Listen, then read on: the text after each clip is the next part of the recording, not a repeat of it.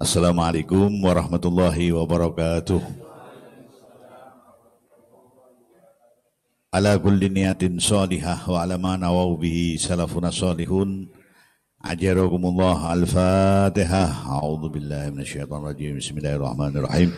Alhamdulillahi rabbil alamin arrahmanir rahim maliki yaumiddin iyyaka na'budu wa iyyaka nasta'in ihdinas mustaqim صراط الذين أنعمت عليهم غير المغضوب عليهم ولا الضالين آمين. الحمد لله. الحمد لله رب العالمين إله المعبود. والصلاة والسلام على سر عين الوجود وأصل النور كل موجود. سيدنا وحبيبنا وشفينا ومولانا محمد المحمود. Wa ala alihi wa sahbihi adada kulli syaqi wa mas'ud amma ba'du. Yang saya hormati jajaran pengurus wilayah Nahdlatul Ulama, wabil khusus Jawa Tengah, wabil khusus Rais Syuriah Kiai Ubedillah Sadaqah dan Kiai Muzammil selaku Tanfidiyah. Yang saya hormati sesepuh yang ada di panggung Kiai Imam Pituduh kok lungguh ngisor yi. Ini wakil sekjen PBNU. PB ini tawaduk lungguhin nong ngisor. ya. Kemudian Pak Kiai Sya'roni. Ini satu-satunya Kiai yang punya rambut dua.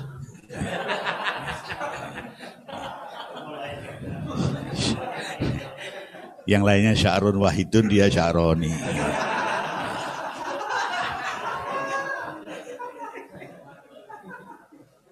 Pak Kiai Sudin Kendal, Kiai Hadar ini sahib saya sejak di Ibnu sampai di dia semua sudah mengalami Ibnu Ansor yang belum muslimat sama Fatayat.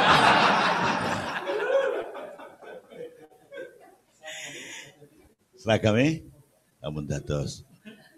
Pak Yai sapa? Zen ingkang kawula hormati. Gus Zaim dari Lasem.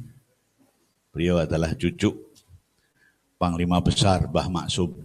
Ya. Kemudian yang di sana itu Pak Rektor UIN, ya. Dan semuanya yang hadir di kesempatan ini, marilah bersama-sama kita memanjatkan puji dan syukur kita kehadirat Allah Subhanahu wa taala atas perkenan rahmat dan hidayahnya walaupun dalam suasana virus konora ini virusnya disebut virus apa? Konora ngaji, konora lungo, konora sekolah ya. Yang mudah-mudahan segera berubah menjadi konio. Ya. Kita tetap bisa melaksanakan tasyakuran di dalam rangka harlah, hari lahir. Harlah itu hari lahir, bukan harlah itu hari bermasalah, bukan. Hari lahir Jamiah Nahdlatul Ulama yang ke-98. Dari sisi umur kalau manusia 98 ini wis sebeh, wis geseh kabeh.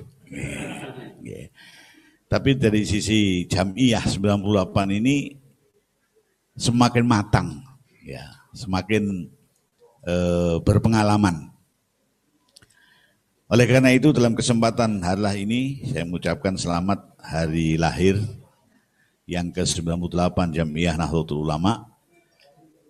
Dan sekaligus kita mengingat tasyakuran uh, haul muassis NU yang beliau-beliau kita kenal sebagai bukan orang biasa, tetapi orang-orang yang luar biasa. Ya. Kenapa saya bilang luar biasa?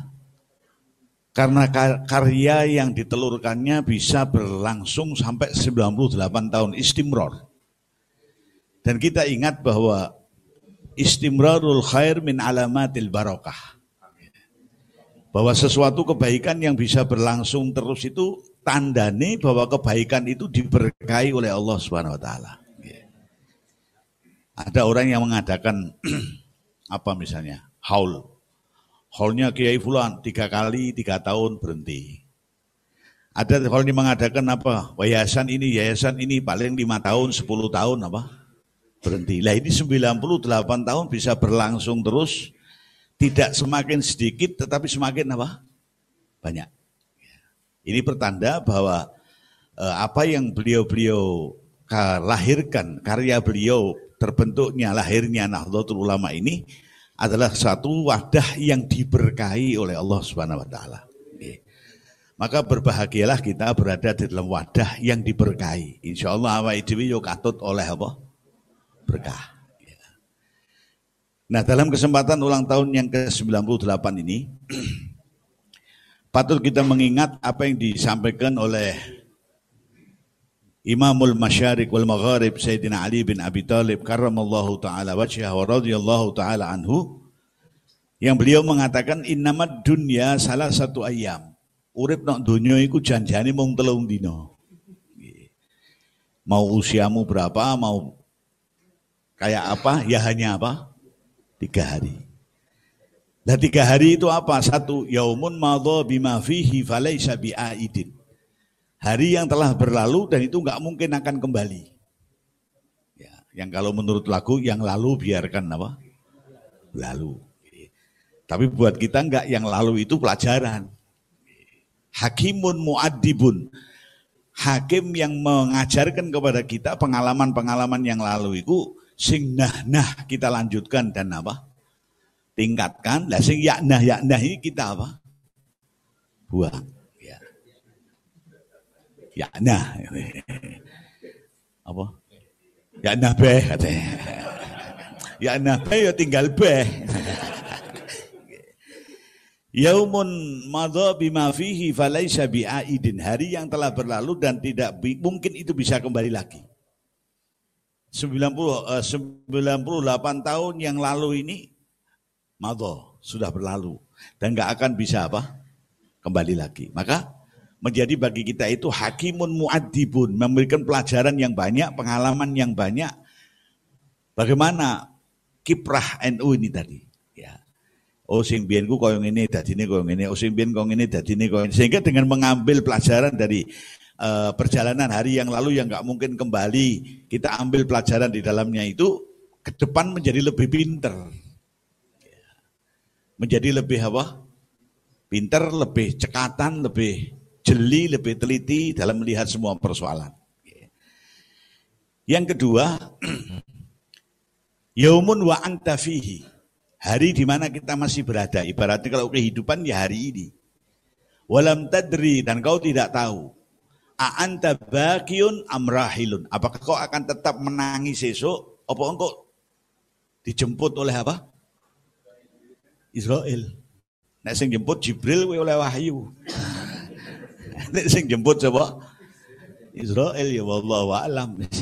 Wa'fu ana wa'fu lana. Moga-moga panjang umur semuanya. Utamanya kita saat ini berada di Amul Husni, banyak para kiai, para habaib di uh, masa apa? Konora ini sedo. Radhiyallahu anhum wa ghafarallahu lahum. Nah, tekan di mau. Hari yang kita berada di dalamnya ini,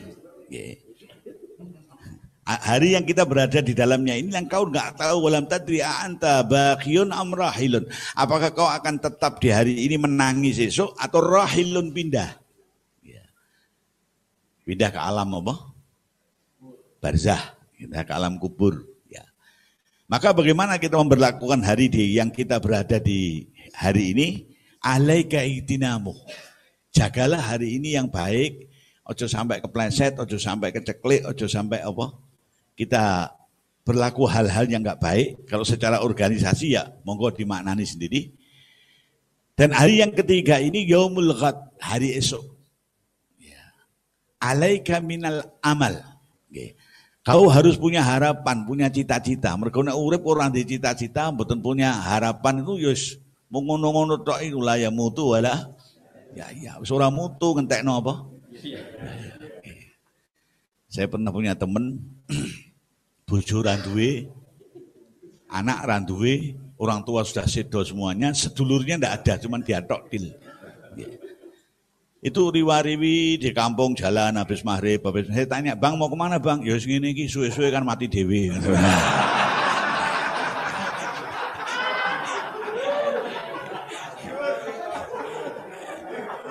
Ana ora sing ngono kuwi ana ora gitu.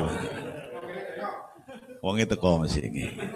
Dan datang yang datang dokter kepala rumah sakit jiwa saya tadi bilang mudah-mudahan kita nggak jadi pasiennya. Karena ada cerita orang gila itu katanya nggak tahu terjadi betul nggak itu di rumah sakit jiwa itu. Empat ini gila semua. Ya. Beden ini. Yang satu beden, kiopo. Yang satu bilang, motor mabur, sepur, eh dudu montore. Ketika yang ketiga dia begini, apa? Gunung. Nah, ketika dia begini itu ada temannya yang gini. Kue apa? Gunung. Ya kue marah ingin jenuh. Ya kata, ya bener kue. Padahal gunung ini. Ini cetan kafe.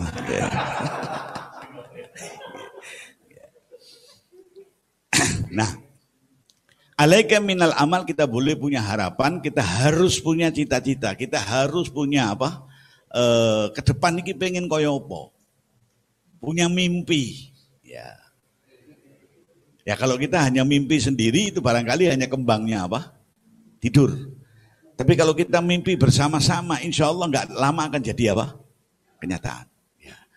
Nah kita ngimpi dewi itu paling tangi turu, aku kok mau bengi ngimpi kucing nabrak ember. Kucing sikile papat, ember nol, par kosong.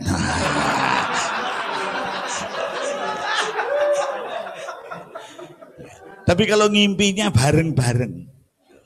Maka kalau uh, Jamiah Nahdlatul Ulama kalau kita masukkan ke tadi itu, yang lalu kita jadikan pelajaran, yang kita mimpi ke depan nanti ini apa? Loh, kalau yang ngimpi ini sekian banyaknya, ya sarjana, ya kiai, ya kaum intelektual, ya kaum apa, e, rohaniawan, ngimpi bareng-bareng, ya insya Allah nggak lama akan jadi apa? Kenyataan. Maka pada malam harlah ini kita memperingati tasyakuran umur yang ke-90 tahun, 98 tahun ini, yuk kita ngimpi apa? Bareng-bareng bagaimana kira-kira NU ini ke depan. Saya senang sekali ketika saya aktif di IPNU bersama Kiai Hador ini, gedung NU ini belum kayak begini. Ya. Gedung NU itu sih nungguri. Pojok kebonan ngono iki mau. Gawe kopi yang ngelera karuan. Ya. Sekarang ada alhamdulillah. Ya, nas kitel ya. Panas lagi kental. Ini kopi ini memang istimewa. Kemarin Pak Imam, Kiai Imam ini wakil sekjen di PBNU itu ke rumah saya cerita, bukakan kitab bab kopi, denger-denger. Kok yono ya jadi. Oh, no, kitab tentang kopi. Sampai ada yang mengatakan bahwa kohwah lima syuribat lah. Ya. Minum kopi itu untuk hajat apa pun yang kau niatkan, kobul insya Allah. Oh, itu istimewa. Ya. Gimana? Saya tidak bilang hadis, ada yang mengatakan. Aku pengacara kok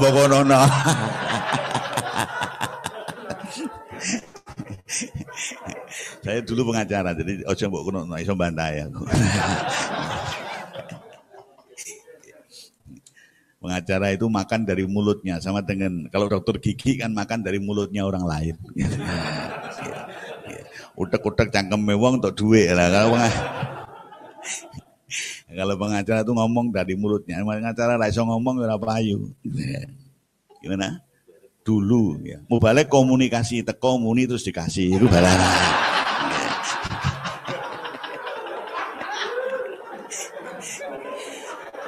Kalau mau balik itu ahli komunikasi.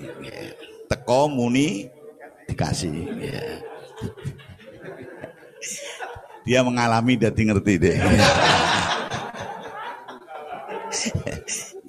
Sampai mana tadi? Komunikasi. Nah, kohwa, ya itu memang macam-macam. Ada lagi yang mengatakan bahwa koh mengatakan loh bukan hadis. Ya. ya. Ada lagi yang mengatakan Naliko kowe ngudek kopi ini baunya kopi semebar itu jim-jim jahat yang ada di rumahmu itu lari semua. Lu iya, dia berkata begini bukan sembarang wong nek sekondo lek Jumadi Kang Solikin ya enggak kita sampaikan lo yang mengatakan wali besar yang kemungkinan bohongnya itu sangat apa? Bahkan enggak ada. Tapi ya kalau kita coba cari kenapa mereka, mereka begitu? Karena kopi itu dulu minum minuman favoritnya orang-orang ahli dikir. Jadi nek bengi dikir biar kuat itu ngunjuk apa? Tilawatul Quran biar sampai subuh minum kopi. Nah, itu dulu makanya ketika orang ngudek kopi itu jeme paham kuwi meh dikir lungose.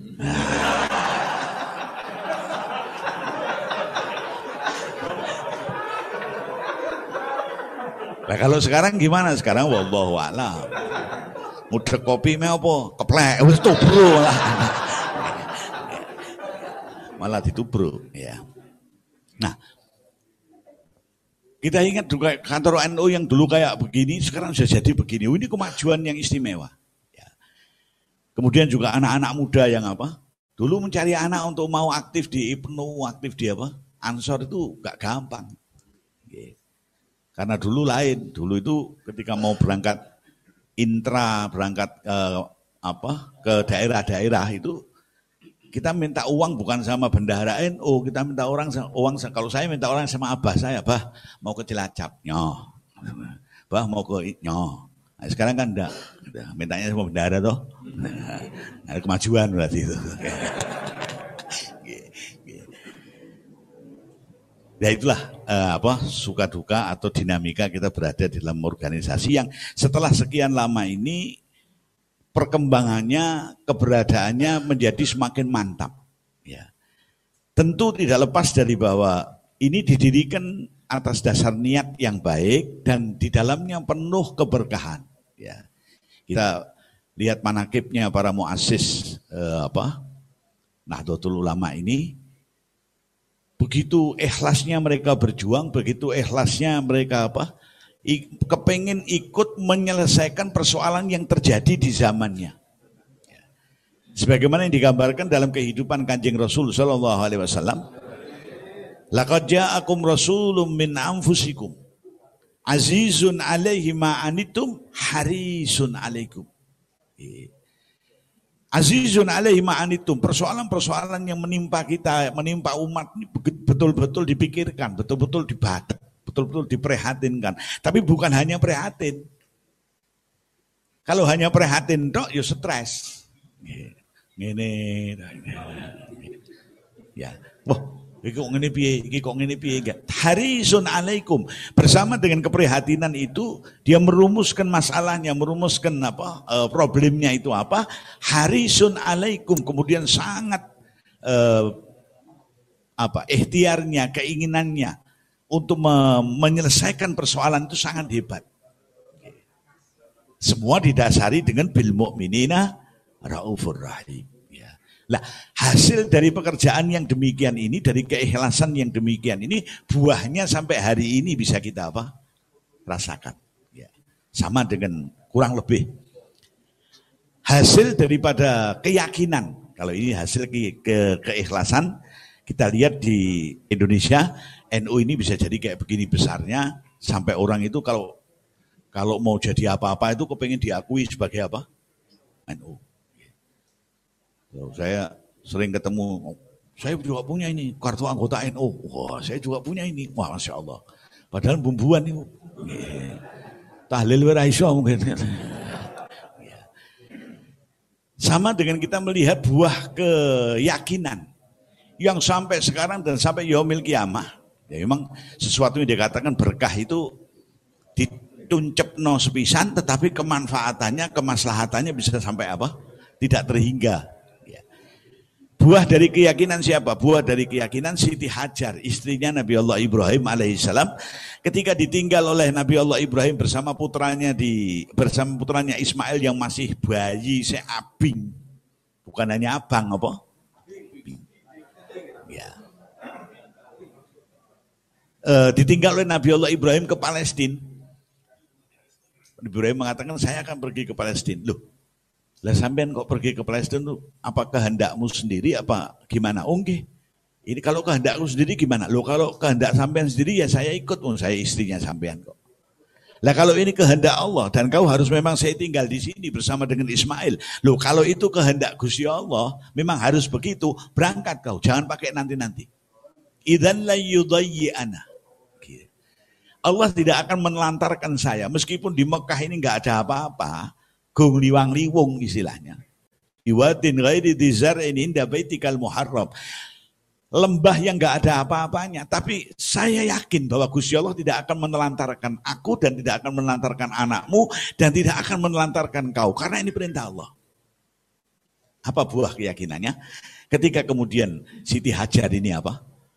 Eh, ketika Nabi, Allah Ibrahim pergi, Nabi Allah Ismail sebagai anak bayi mas butuh banyu lah istilahnya. Siti Hajar golek banyu riwariwi riwariwi. Akhirnya riwariwinya itu malah nggak berhasil ikhtiarnya. Malah Nabi Allah Ismail yang disanding Ka'bah sing ora ubah mung meneng tok wong bayi. Itu yang dari kakinya muncrat apa?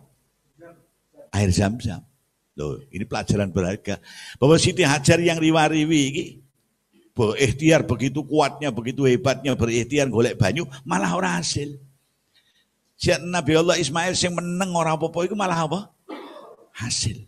Ya, makanya kita wajib ikhtiar tetapi ikhtiar kita orang apa? Tidak pasti apa? Berhasil. Tapi wajib.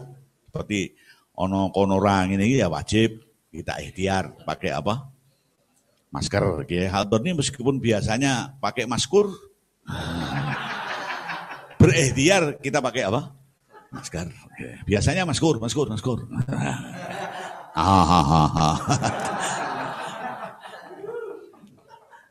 Jadi kalau para kiai itu biasa kadang-kadang maskur, kadang-kadang kita pengajian ini kadang-kadang dapat 2 M.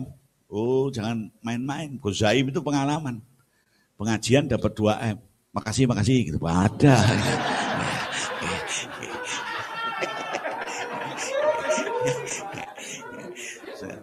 Dua M itu makasih makasih, matunun matunun itu dua M. Ya. ya.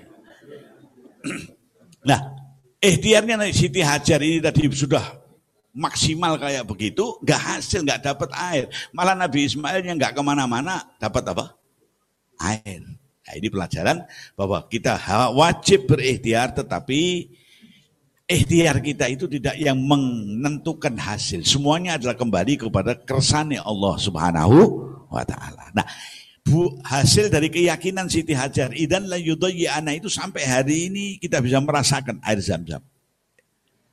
Seperti juga hasil dari keikhlasannya, kepeduliannya, kesungguhannya, mencari persoalan yang mencari jawaban terhadap persoalan yang terjadi di tengah-tengah umat oleh para muassis ini terjawab sampai hari ini kita bisa merasakan dan boleh dibilang bahwa hampir tidak saya insya Allah kayak dan yang lain-lainnya juga begitu eh, dakwah ini sampai masuk pengajian ini sampai ke desa-desa. Saya belum melihat satu organisasi yang bisa dijadikan apa wasilah dakwah kekuatannya sebagaimana apa? Nah. Ini kan berkah dari apa? E, perjuangan yang istimewa. Kita masuk ke desa, mesti ada kiai-kiai, ada santrinya, ada apa? Tahlil, selawatane. Masuk desa ini begitu, masuk desa ini begitu. Sampai saya pernah di daerah Wonosobo. Yang dingin sekali. Nguyuh irawani cewek. eh? Eh? Wes, oh, ayo langsung hilang. ya. Itu Masya Allah. Di situ tuh malah kita ini malu, izin ya Allah. Di desa yang pegunungan kayak begitu, mereka itu kalau Jumatan tuh tidak langsung pulang. Lah kita ini wis tekone keri langsung mulia dhisik. Teko ini khotib wis Allah maghfir lil muslimin wal muslimat mlebu. Gitu enggak? Gitu enggak kira-kira? Nah, kita modelmu gitu. Nanti pulangnya salam langsung pulang mereka enggak. Habis salam Jumatan di wiridan ini suwi loh. Saya itu tak perasaan saya wiritanku yo wis akeh wis tak entekno tak baleni menit iki wong lung lung subhanallah. Loh, bisa kayak begitu itu ya hasil kerjanya apa? para kiai diberkahi oleh Allah Subhanahu wa taala. Ya, oleh karena itu betul-betul organisasi ini wadah yang diberkahi oleh Allah yang ayo ini NO ya kita jadikan NO. Sarana untuk apa? NO nuntun apa? Umat. Lah karena nuntun umat lewat torikoh, nuntun umat lewat e, pesantren, lewat madrasah, lewat pengajian-pengajian. Ya. Nah karena nuntun umat ini butuh biaya yang tidak sedikit, maka ya NO nari urunan. Yuk gak apa-apa, bukan untuk kepentingan pribadi kok. Yeah. Bukan untuk kepentingan apa? Pribadi, untuk dalam rangka e, bisa menjalankan apa? Tugas. Dan memang memang begitu. Masyarakat ini nggak bisa jalan dengan baik kecuali dengan ada empat apa? Tiang, empat cagai ku papat. Cici, bi ilmil ulama bi alimin mustamilin ilmahu. Di tengah masyarakat itu ada orang alim yang mau mengamalkan ilmunya. Lah biasanya meskipun kadang tidak tidak selalu, tetapi biasanya orang yang alim itu sok kadang-kadang nggak kebarengan suki. Nggih. Orang alim tapi nggak apa? Nggak suki. Apa? Ya kiri tapi kan ngalim.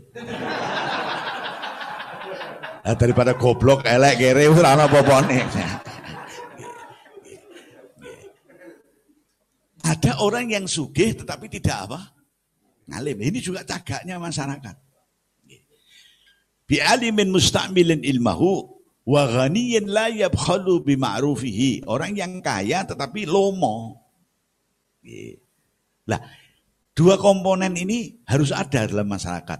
Yang ketiga penting, yang keempat penting, tapi jauh lebih jauh kalah penting dengan yang satu dua. Yang ketiga apa? Wa fakirin la yabi udinahu bidunyahu. Orang fakir yang kuat imannya, tidak mau menjual agamanya dengan apa?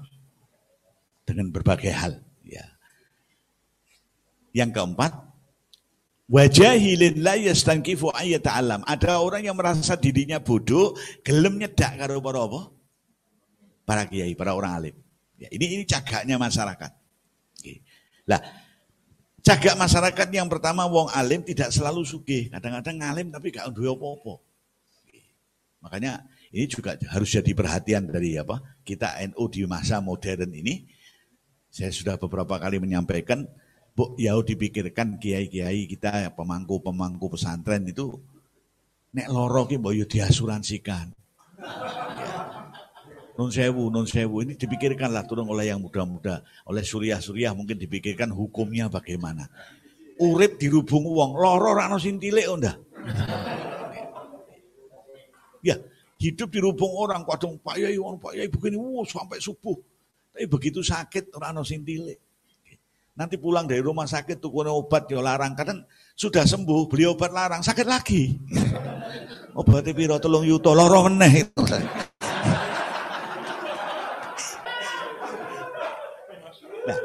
Coba dipikirkan. Mereka hidupnya sudah mengabdikan dirinya untuk agama sedemikian hebat. Duk, kita kalau kita bukan tergolong orang yang kaya yang bisa apa? memberikan santunan, ya ayo bergabung sama-sama. Sing sugih iki mau lewat lazis apa lewat apa atau lewat apa, ayo eh, ada dana, ada pos untuk mengasuransikan apa? kesehatannya para apa? para kiai. Saya saya bicara begini dari sisi idenya, soal hukumnya monggo. Ya. Bab asuransi masih mungkin ada istilah pendapat, ada asuransi, ada keteransi mau pilih yang mana.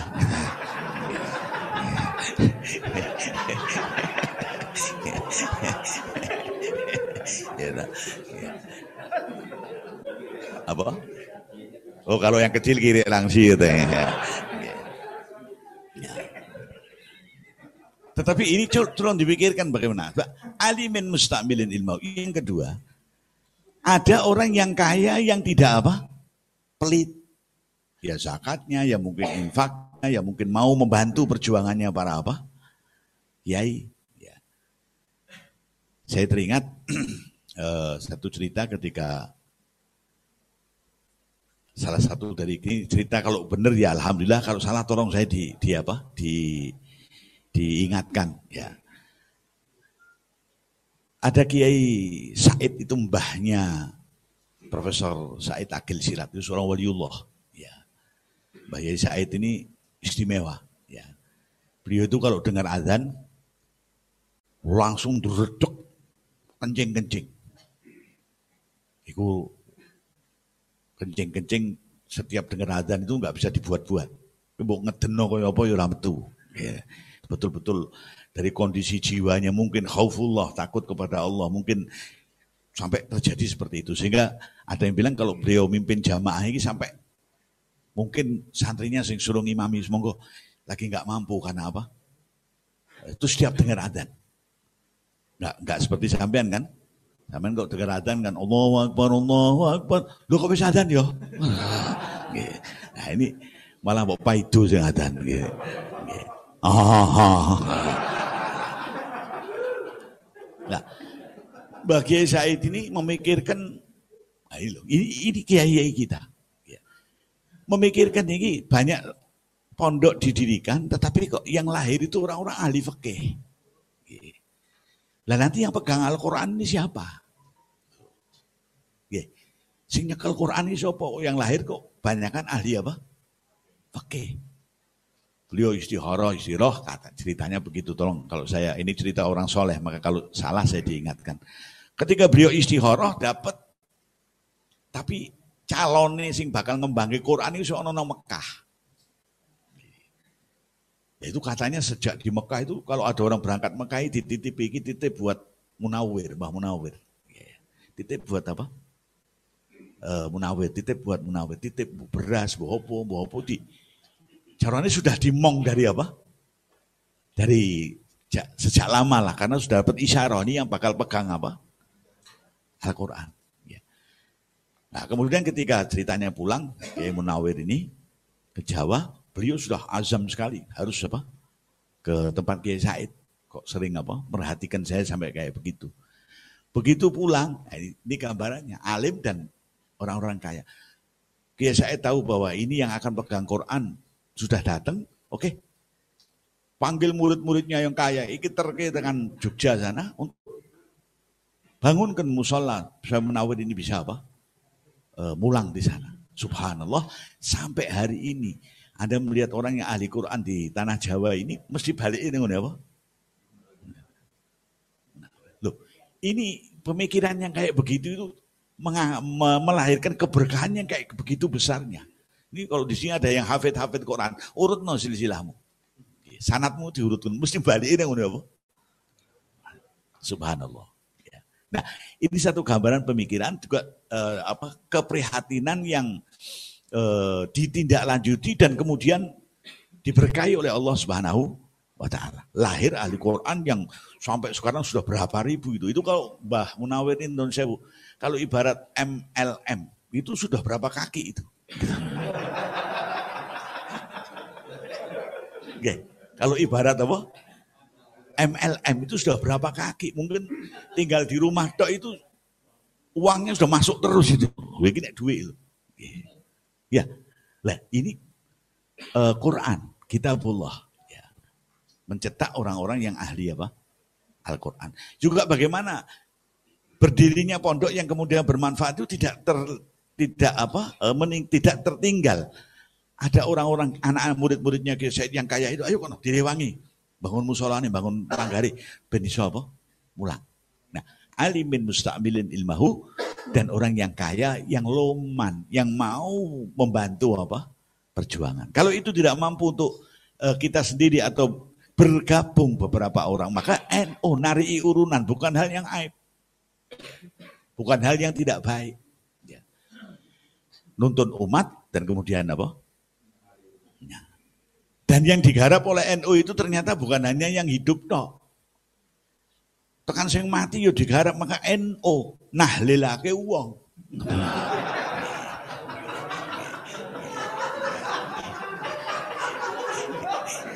nahlilake apa? Wong. Loh, lah yang enggak kenal yang kenal tahlil ya wong apa? yang kenal tahlil itu ya orang apa? Oh kita diajari oleh kiai-kiai kita, diajari oleh guru-guru kita tahlil. Ya.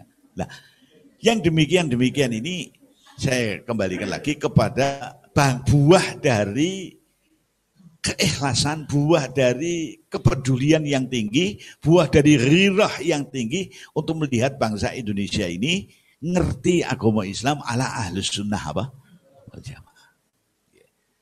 Hasilnya kita lihat kayak begitu ngerembokon sampai di desa-desa, sampai di mana-mana. Di desa kita nih, maaf ini tidak tidak ada masih, ada masih. Begitu khotib Allahumma sholli ala Muhammad tinggal. Ini berarti DP ora apa? Ora. Iya. Allahumma sholli ala Muhammad eh lunga. Tinggal itu khotibnya. Dia pidato dewean nih ngomong.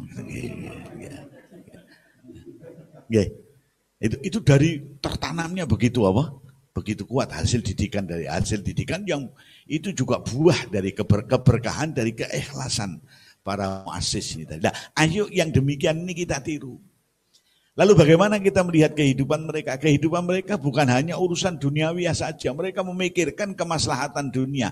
Tetapi silo madepe tawajunya kepada Gusti Allah. Istimewa. Nah itu yang membuat berkah. Saya dengar riwayat Simbah Abdul Karim Lirboyo itu naik wiridan. Itu suka mulai jam 8 sampai jam 3. Loh, jujur, siapa di antara kita yang Ora ono nek WA-nan kuat. WA-nan kuat kemudian apa? Eh apa internetan sampai subuh kuat. Ini wiridan dari mulai ba'da isya sampai apa? Masya Allah. Ini bukan sesuatu yang tanpa makna. Um, apalagi yang wiridan. Um, ada santrinya yang hanya amin amin lah ngerti sing diwaca apa amin amin amin amin amin sampai dilokno sama apa? Eh, kowe apa to angger amin amin. Loh, guru itu tidak pernah berdoa yang jelek. Guru pasti berdoa yang baik. Senajan ora krungu, aku yakin pasti doanya itu baik. Aku tetap amin. Lu kita wali ya. Gitu. Amin amin tok wi. Subhanallah. Ya. Nah, hal-hal yang bersifat apa batiniah semacam ini ini maka saya bilang kepada mahasiswa, kau kuliah, kau membuat uh, paper, membuat makalah, kau diskusi, kau seminar, kau berangkat pagi, mungkin konsultasi be dosen, kau mungkin diseneni dosen, itu dalam rangka kau menjadi sarjana.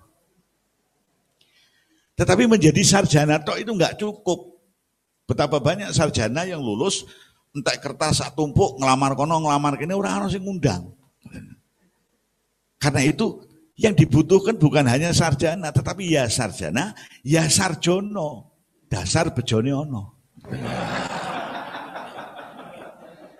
Nah kalau kita mencapai sarjana dengan mangkat esok, konsultasi dosen, buat paper, makalah, seminar, masuk perpustakaan, ini dan sebagainya. Untuk dalam rangka jadi sarjana. Lah kalau dalam rangka jadi sarjono, ya tadi, ya wiridan, ya melek bengi, ya sholat. Yeah. Nah, itu yang dilakukan oleh para ulama-ulama kita.